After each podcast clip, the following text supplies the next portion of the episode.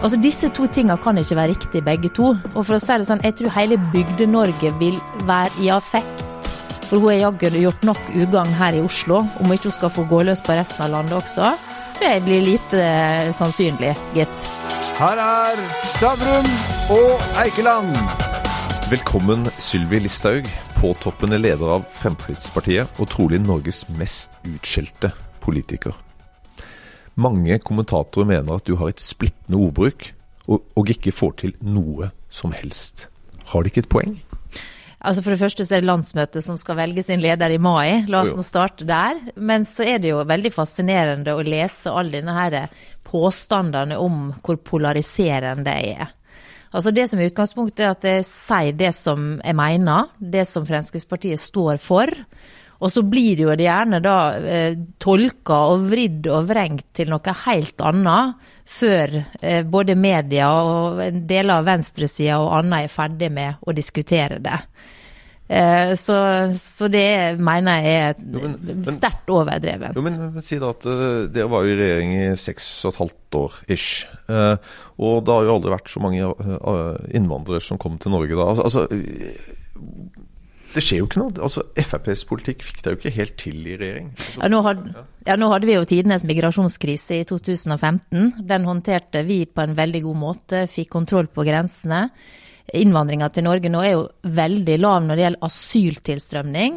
Men så er det klart at eh, det er jo et stort flertall på Stortinget som ønsker både å ta imot mange kvoteflyktninger, og ikke minst ikke stramme inn nok på familiegjenforeningspolitikken, som mange kommer til landet på. Og så er det også fascinerende det du innleder med når du sier at jeg har jo aldri fått til noe. Altså, la oss ta landbrukspolitikk.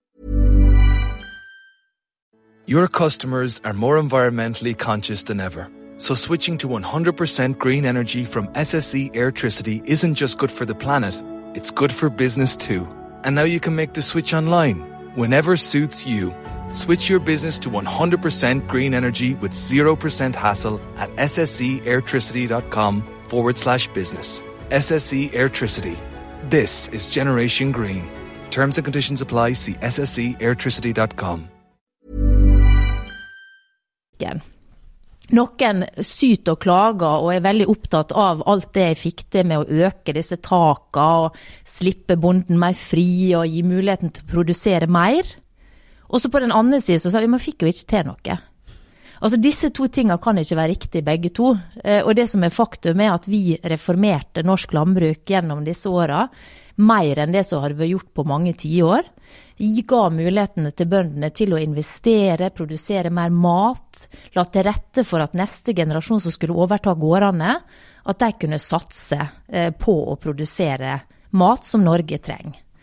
Innvandringsområdet fikk ikke til noe der heller, men politikken i Norge har aldri vært strengere.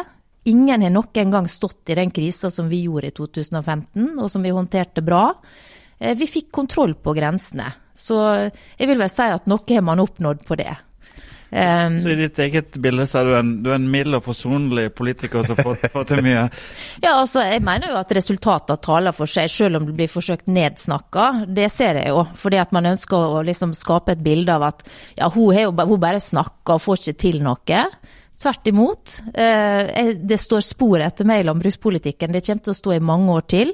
Jeg tror det blir vanskelig for Senterpartiet å reversere de endringene som er gjort. Skal du da pålegge bønder å produsere mindre igjen? Skal de slakte kuer for at du skal ta ned taket på melkeproduksjon? Tror jeg blir lite eh, sannsynlig, gitt. Eh, og det samme med innvandringspolitikken. Der, der, er det jo partier som ønsker å myke opp, og det kan de nok få til noe på. Men de store tingene står seg. Eh, så, så, det er jeg veldig glad for. Men, men la oss se litt framover. Altså for eh, noen tiår siden så hadde Fremskrittspartiet 30 oppslutning. Eh, nå har det vært galluper nede på 7,8 Uh, og det er jo sånn at egentlig jevnt og trutt har Fremskrittspartiet gått nedover over lang tid. Mm. Uh, jeg merker meg at når du ble lansert som, uh, som, ny partileder, så var noe av det første du begynte å snakke om, det var hvordan de eldre har det i Norge. Og mm. de eldre har jo vært en kampsak som Fremskrittspartiet har eid, men som dere ikke eier lenger. Mm. Hva er det vi skal gjøre med, med de eldre i Norge? Nei, For det første, slutt å omtale deg som et problem. Eh, hvis du tar den eh, perspektivmeldinga som er kommet nå, der statsministeren står og sier at det som er hovedproblemet er at vi får flere eldre, og det koster så mye penger, så vil jeg snu det på hodet og si at nei, det som er fantastisk med vår utvikling i Norge, er at folk lever stadig lenger.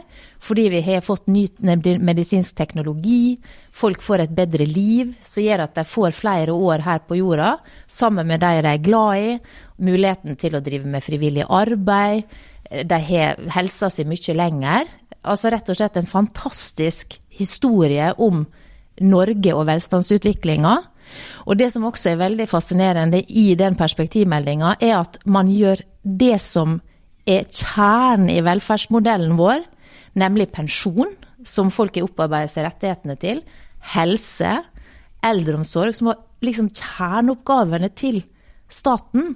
Det blir blitt gjort til hovedproblemet. Verden er snudd på hodet. Man diskuterer ikke innvandring og de kostnadene som er med det. Bistandsbudsjettet det står i perspektivmeldinga at man regner med det vil koste 0,8 milliard kroner, altså 800 millioner kroner hvert eneste år i økte utgifter på bistand. Ingen diskusjon. Klima. Det, bare du setter klimastempelet på et prosjekt, så skal du ha sugerør inn i statskassa, og så skal man holde på å, eh, å øsle penger, selv om det kanskje ikke engang gir mindre utslipp, som f.eks. elektrifisering av sokkelen. Sånn at jeg mener verden er snudd på hodet. Og det handler om at vi skal eh, sikre gode tjenester til de som er eldre. Sikre at de får tilgang på de pensjonene som de opparbeider seg rettighetene til. Ivareta det som er kjernen i velferdsmodellen vår, og så får vi begynne å kutte på alt mulig annet. Men Er det, er det en riktig analyse at, uh, at, de eldre og distriktsvelgere er to velgergrupper du er ute etter? Uh, og Ta ferjeprisene, da. Som jeg skrev i en kommentar. Herregud, dere firerbanden skal halvere prisene. Det er like før dere skal betale folk for å ta ferje i dette landet. Hvor er det blitt av Fremskrittspartiets eh, forsøk på å holde igjen i offentlige kostnader? Altså, Vi vil holde igjen på mange områder. Bistand, innvandring, integrering, de bruker oss 15 milliarder i året. Klimatiltak som er symbolpolitikk effektivisere offentlig sektor, Gjør noe med plan- og bygningsloven som bare er klamp om foten og gjør at du bruker altså rett og slett ikke utnytter potensialet her i landet. Eh, innsigelser fra fylkesmann. Alt dette her ønsker vi å gjøre noe med. Eh, så, så, det er masse ting å gripe fatt i, men man går til kjernen av det som er velferdsmodellen, og det er der vi er uenige. Og Når det gjelder ferge, da, så eh, i min, min del av landet, det er klart at det er enorme utgifter. Eh, skal du, ta, skal du, på jobb til altså Hvis du bor på Hareid og skal ta ferge til, til Sykkylven, du jobber på møbelfabrikken der på Ekornes, må du ta fire ferger hver dag. Så er det snakk om hundrevis av kroner i utgifter, som rett og slett på et tidspunkt vil gjøre at det lønner seg nesten ikke å pendle på jobb. Så det er klart, hvis du får ned prisene, og vi ønsker jo egentlig at det skal være en del av veien, at det skal være gratis, eh, på samme måte som vi er imot bompenger, så vil du få et mye mer fleksibelt arbeidsmarked i disse deler av landet, som gjør at folk kan pendle på jobb uten å betale skjorta. Eh, og disse distriktene, de, de, altså de produserer jo varer som går verden rundt eh, i eksport. Sånn at, kan ikke gjøre som oss andre og flytte nærere der de jobber? Og de betaler jo ikke noe særlig for bolig der. Hvorfor skal de ha alle fordeler? Altså, Jeg vil jo at det skal være der de er, for det betyr at folk kan bo der. Distriktene kan leve videre. Jeg syns jo det er fantastisk positivt. Og det som er fascinerende når du reiser rundt i Møre og Romsdal, er at du kan reise til den innerste fjord, til det ytterste havgap, og du finner fantastiske bedrifter som produserer masse varer som går i trailere ut eh, av både Møre og Romsdal og ut eh, av Norge. Og Sånn er det langs hele kysten. Så verdiskapninga i Norge foregår mye, mye i distriktene. Det er der å se fisken, det er der å se havet, maritime næringer. Men da må vi jammen legge til rette for at de kan fortsette å være der også. Så jeg er helt uenig med deg.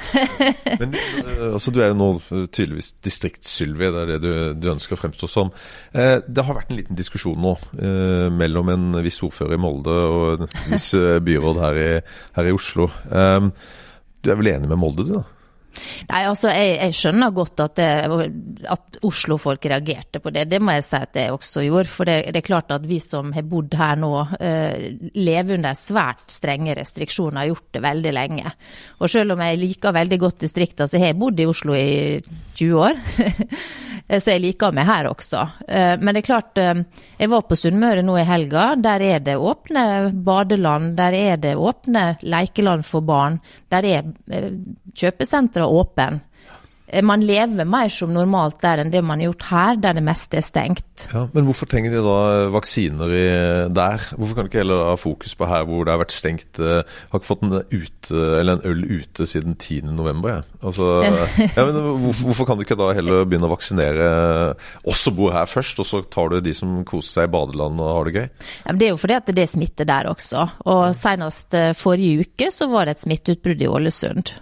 Uh, så, så det, det, er jo det, som er vanskelig. Nei, da, men, man kan jo bytte. Det er jo ikke sånn at eh, får man eh, kontroll på Oslo-smitta, altså man tar det hvor det er smitta, da, tenker jeg. Ja, men det, det, er jo det man ser, da. At det dukker jo opp rundt omkring. Nå var det Kristiansand som skulle stenge ned. Så dette her er jo et sånt bevegelig mål, da. Der smittetrykket oppstår lokalt. Men vi får se nå, da. Nå skal det jo være pressekonferanse som tar opp disse spørsmålene i dag. Jeg er jo litt spent på hva som kommer der. Ja. Men én ting er jo timingen og formen på utspillet til Torgeir Dahl. Men for å ta noen av kritikken hans, da. Mm. Eh, når, når, bydeler i Oslo med høy andel innvandrere i hele pandemien i ett år har hatt vedvarende høyere smitte enn de andre bydelene, mm. og i dag tre ganger høyere smitte på Stovner enn mm. på Frogner. Eh, har Raymond Johansen grunn til å slå seg på brystet over hva de har gjort her i byen? Altså Det er helt åpenbart at det, det, denne strategien som er fulgt, ikke har fungert godt nok i de stort sett østlige bydelene, og at det er folk som ikke har fulgt opp de reglene som er. Og Det mener jeg er et problem som selvfølgelig går utover alle sammen, når man ikke greier å følge de henstillingene som kommer. Så jeg mener det er noe som man bør, bør gå inn og se på, altså, for dette kan oppstå flere ganger. og Eh, det, det, er jo heller ikke sikkert Vi vet jo ikke hvor lenge denne pandemien kommer til å pågå. Så det er viktig at vi greier å få kontroll. Men er det da den gettofiseringa av Oslo som man har snakka om, som, som, er årsaken til, til, dette, tror du? Jeg registrerer i hvert fall at det, det som det meldes om, er at i en del innvandrermiljø eh, så følger ikke man verken spesielt godt opp disse smittevernreglene. Eh, det er jo vegring mot å teste seg, det dokumenterte jo Dagsrevyen i går.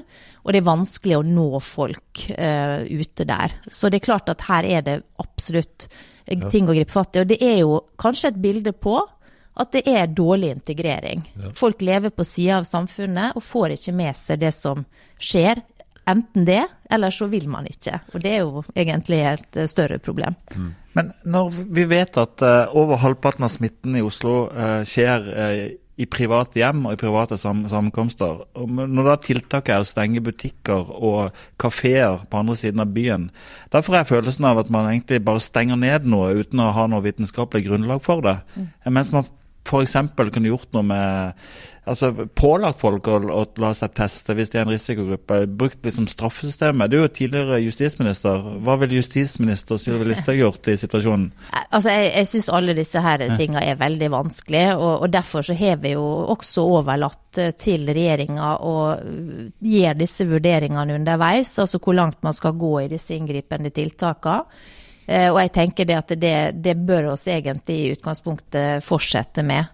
Eh, og så håper jo jeg at vaksineringa nå kan gå raskere, sånn at vi får åpna opp samfunnet snart. For det er klart at jeg er jo veldig bekymra for mange av de bedriftene som nå har gått et år uten skikkelige inntekter, mens de har hatt masse utgifter.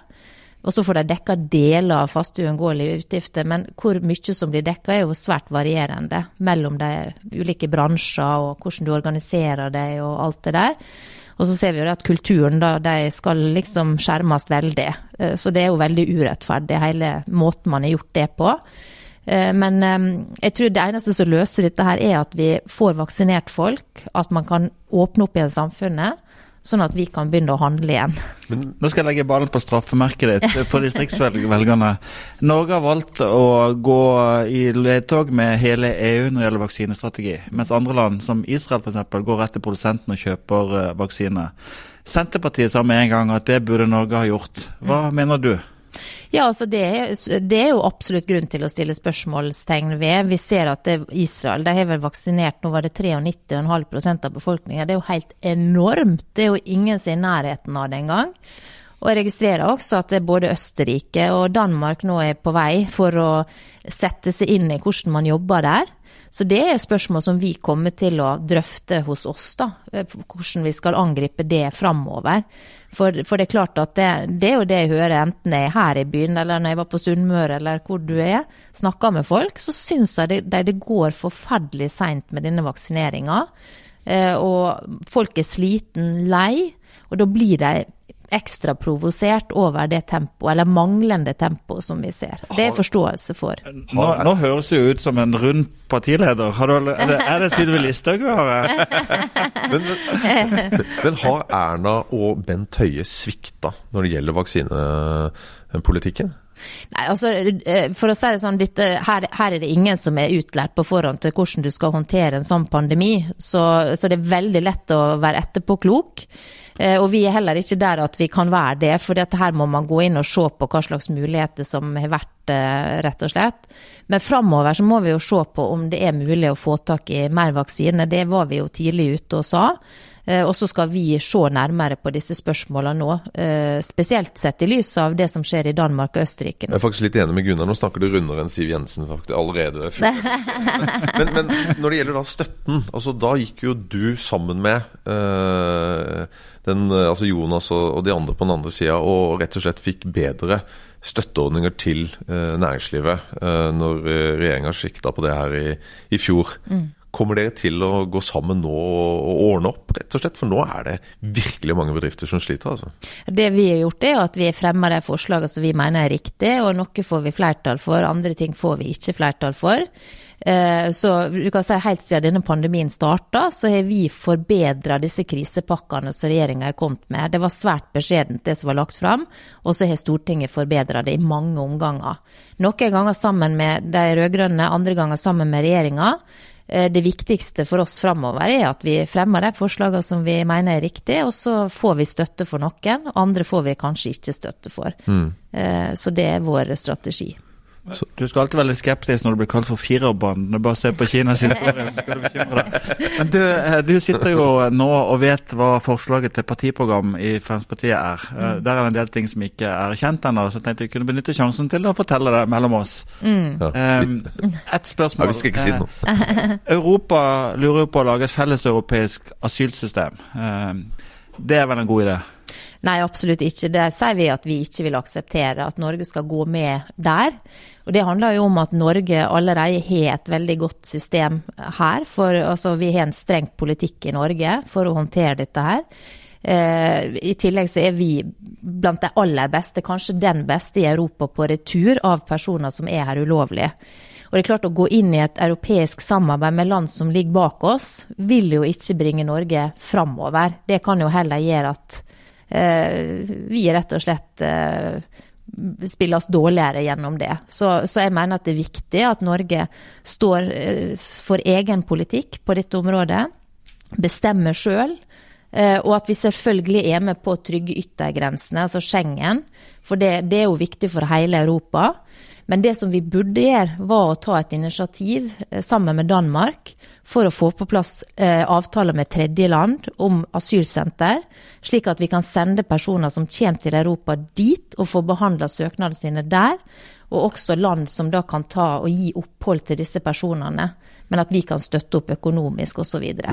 Det vil stanse nemlig den dødstrafikken over Middelhavet. Det er klart Hvis folk ser at det å reise over dit gir, altså, uansett enda i et land de ikke hadde lyst til å være i, så vil det stanse veldig fort. Og, og, her er det jo kyniske folk som tjener enormt med penger på menneskesmugling. Eh, det ville du fått til livs med et sånt forslag, pluss at Europa ville fått kontroll. Og det er klart, 2020 Ingen har fått reist noe sted, nesten. Men det har uansett kommet 460 000 asylsøkere til, til Europa. Det er altså mer enn det som kom i 2011, som var et helt ordinært eh, år. Og det sier litt om, eh, om hva slags utfordring vi kommer til å stå overfor i åra som kommer, når verden blir mer normalisert. Ja, for det, altså, De kommer jo da til noen av de fattigste landene i Europa også. Uh, så jeg regner med at du er enig i at Norge skal spille en rolle der nede og, og, og hjelpe til. Altså, Vi har jo faktisk litt ressurser. Du er enig i det? Altså Det gjør Norge allerede. Ja. Både støtta Hellas, Italia, ja. vært der med folk som kunne hjelpe til å håndtere mm. disse asylsøknadene. Mm. Eh, hjelp til med, med å håndtere ja. eh, der. Og selvfølgelig, det er jo ikke noe problem. Nei. Men problemet er hvis vi skal begynne å sende folk rundt i Europa og ha denne her, eh, mekanismen der du skal fordele folk rundt omkring. For da vil det, da vil det sannsynligvis bare føre til at enda flere kommer. Fordi man ser det at bare du setter foten din da i Hellas eller, eller, mm. Tyrk, eller Italia, så blir du slusa videre i Europa akkurat som man ønsker. Men For å redde deg fra Maos enkes skjebne som en del av firerbanden, eh, litt til utgiftspartiet, Fremskrittspartiet. Eh, hvordan vil du forholde deg til handlingsregelen? Nå vil jo den nye, eller Sentralbanksjefen foreslå å sette ned handlingsregelen til 2 mm. av, av oljefondet. Er du enig i det? Nei, altså vi mener det at vi skal bruke penger på å bygge landet. Men det handler jo om hva du bruker pengene på. Og da har jeg tidligere vært inne på at vi må, eh, vi må eh, prioritere det som er kjernen i velferdsmodellen. Det handler om utdanning, det handler om helse, eldre, pensjon. Disse tingene her. Eh, og så må vi begynne å kutte i ting som har kommet på etter hvert, og som ikke er kjerneoppgave. Men skal vi ha en grense? Skal vi, ha, skal vi, ikke ha en grense, ikke en handlingsregel? Nei, så Vi er ikke opptatt av det. Vi er opptatt av å bruke de pengene fornuftig. Og at hvis det koster uh, penger å bygge veier, da, mm. så sier vi at ok, da bygger oss veier og bruker litt mer penger der, istedenfor å ha så mange aksjer utenlands eller handlegate i London eller den slags. Vi skal bygge landet for framtida. Og husk på at i 2009 så var oljefondet på ca. 2350 milliarder kroner. Nå er det på 11 000 milliarder kroner. Ingen hadde drømt om, tror jeg, når det fondet var laga, at vi skulle sitte her i dag med et så svært fond.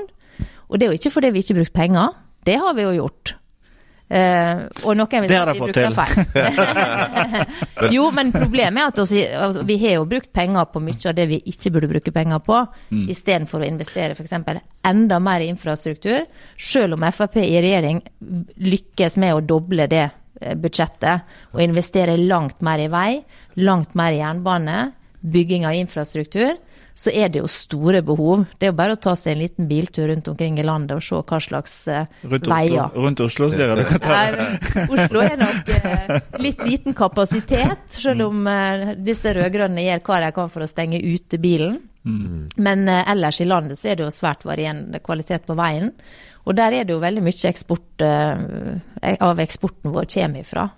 Så det er viktig. Det handler om eh, raskere til markedet, penger spart og tjent for disse bedriftene rundt omkring i Norge. Du vet, jeg vokste opp på en gård. Mm. Der lærer du det når du vokser opp at det viktigste du skal gjøre, er å overlate denne gården i bedre forfatning til neste generasjon. Da må du investere det som skal til for å greie det. Og så får man velstand og utvikling på gården, og det samme må vi ha i landet. Jeg trodde poenget var å legge den ned. nei da, nei da. Men du, 7,8 eh, eh, det er jo et elendig nivå. Eh, bare ta, Det er jo et maratonløp du går inn i hvis du blir leder for, for, et politisk parti, men det er også en sprint. Det er ikke så mm. lenge til, til valget. Hva er det du kan gjøre, og dere kan gjøre på den korte tiden for å gjøre, ikke få et katastroferesultat?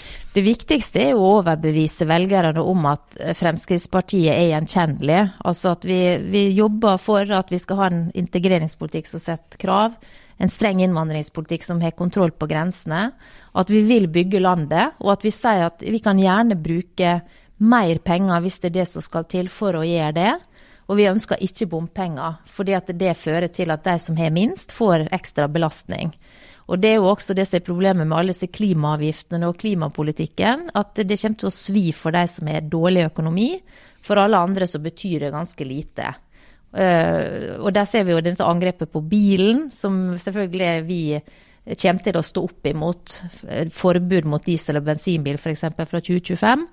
Jeg vil vel si at de fleste som har hatt elbil denne vinteren og vært avhengig av bilen, har vel, vel kommet til en erkjennelse at det kanskje ikke er den optimale norske vinterbilen i 20 minus. det er greit nok her i byen å fare som med småkjøring, men er du avhengig av å kjøre langt, så, så har du et problem på vinterstid. Eh, det handler om eh, helse, eldreomsorg, ikke minst, og det kommer jeg til å bruke mye tid på framover. Eh, og, og, rett og slett ta opp saker som gjelder enkeltmennesker, enkeltgrupper, som ikke får den hjelpa de trenger. Enten det er ALS-syke, de er få, men det er den verste sykdommen du kan få. Altså, ingen, jeg vet ikke om noe verre, for det er en regelrett dødsdom. Og mange av dem har null håp. Hvordan kan vi gjøre livet deres enklere? Eller som jeg var ute med nå med han Torgeir i Sykkylven, som kan redde synet på ett øye hvis han får en behandling, som Norge sier nei til, for det er for dyrt. Mens vi ser mange andre europeiske land med langt uh, dårligere statsfinanser faktisk tilby. Sånne saker det blir viktig for oss å, å jobbe med. Men jeg, hører, jeg, hører, jeg synes jeg hører Trygve Slagsvold Vedum På hvilket felt er du uenig? Jeg har ikke hørt han snakke om verken og hvordan, Og hvordan kan du ta stemmer på han hvis du skal gjøre det samme som han? Vi, eh, altså På avgifter, få ned avgiftstrykket, det sier jo han Trygve. Mm. Men forskjellen er jo hvem han vil samarbeide med, da. Han skal samarbeide med Arbeiderpartiet, det er nå det, det ene. Kanskje Jonas Gahr Støre da som statsminister. Men så kan han bli avhengig av Sosialistisk Venstreparti, Miljøpartiet De Grønne. Og for å si det sånn, jeg tror hele Bygde-Norge vil være i affekt hvis de ser at Olan Marie Berg og Miljøpartiet De Grønne skal ha noe å si for resten av landet. For hun har jaggu gjort nok ugagn her i Oslo, om ikke hun skal få gå løs på resten av landet også. Eh, og det samme med Rødt, ikke sant? kommunistpartiet Rødt, som kan få ei hånd på rattet. Og Det er jo derfor vi sier at han er jo på feil lag. Han burde heller samarbeide med oss, hvis han står for den politikken han sier. For mye av det han snakker om, er jo god, gammel Frp-politikk. Eh, men han velger da det andre laget, som jeg vil si i hvert fall står langt unna oss, da. Men uh, nå snakker vi jo altså, Høyst sannsynlig så blir det vel Jonas som, som, blir statsminister. Men sist så var det du som reddet Erna som statsminister når du reiste til Sverige. Hva skal du, hva skal du? Det er vel så ulike beininger, men ja. ja, ja men det, det, det, var det, altså. Men, men, men, men, eh, hva skal du gjøre i år for å redde henne?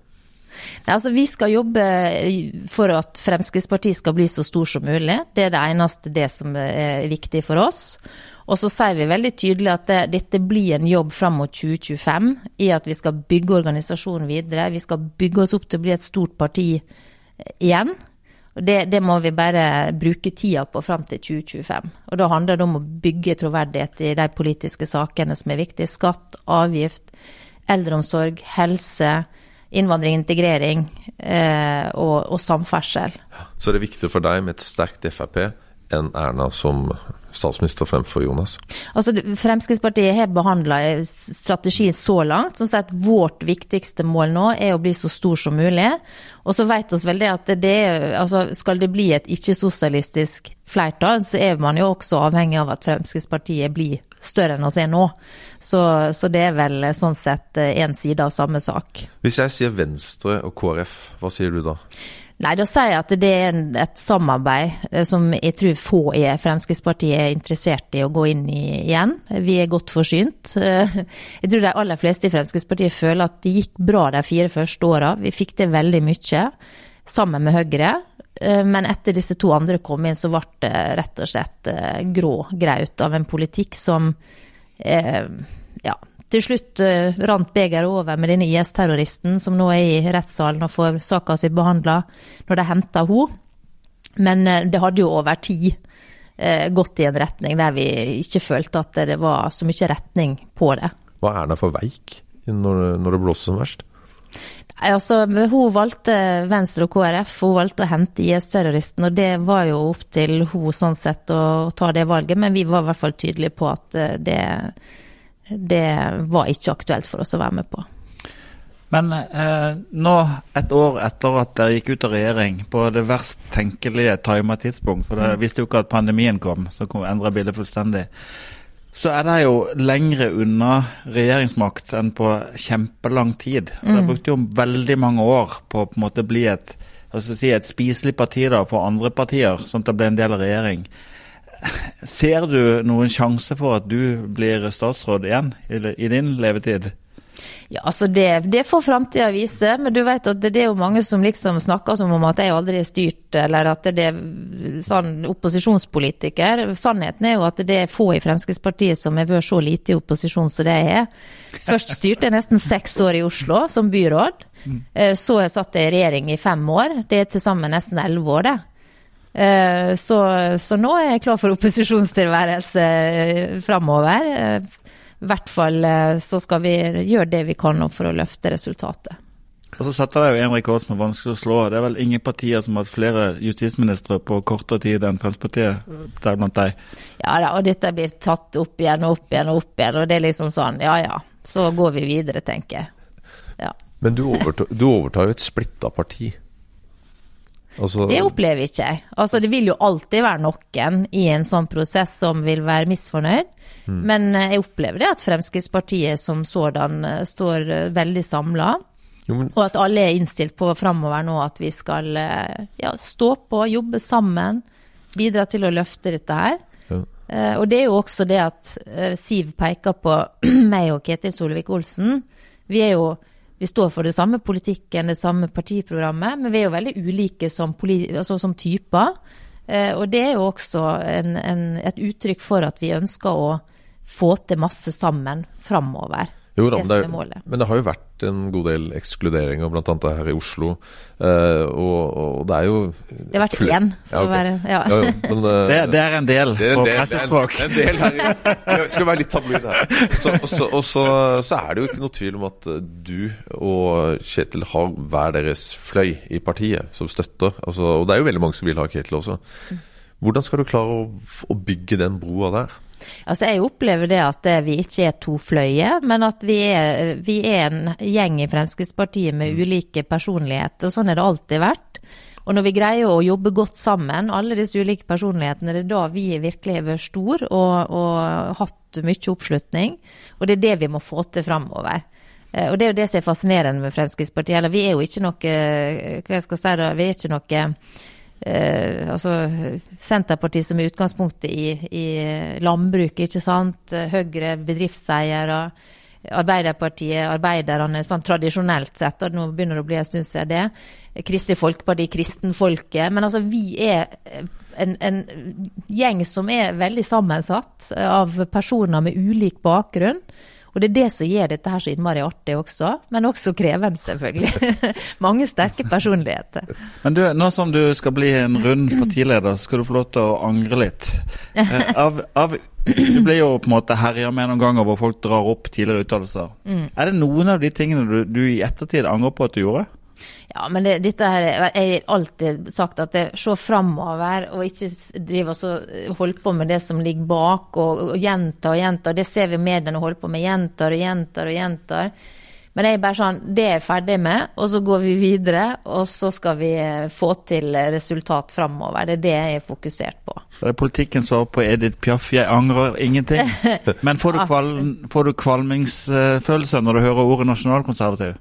Nei da, nå har jeg sagt det at det er på en måte Jeg har lagt meg helt flat. Beklager det, og det står jeg virkelig for.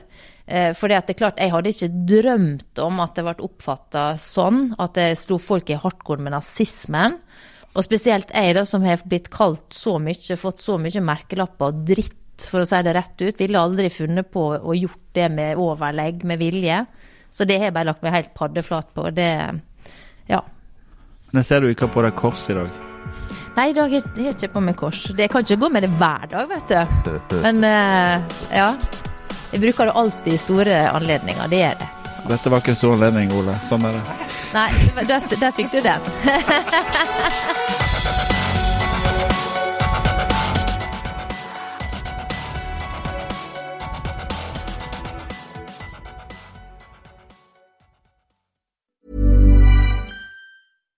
Your customers are more environmentally conscious than ever. So switching to 100% green energy from SSE Airtricity isn't just good for the planet, it's good for business too. And now you can make the switch online, whenever suits you. Switch your business to 100% green energy with 0% hassle at ssceairtricity.com forward slash business. SSE Airtricity. This is Generation Green. Terms and conditions apply. See ssceairtricity.com.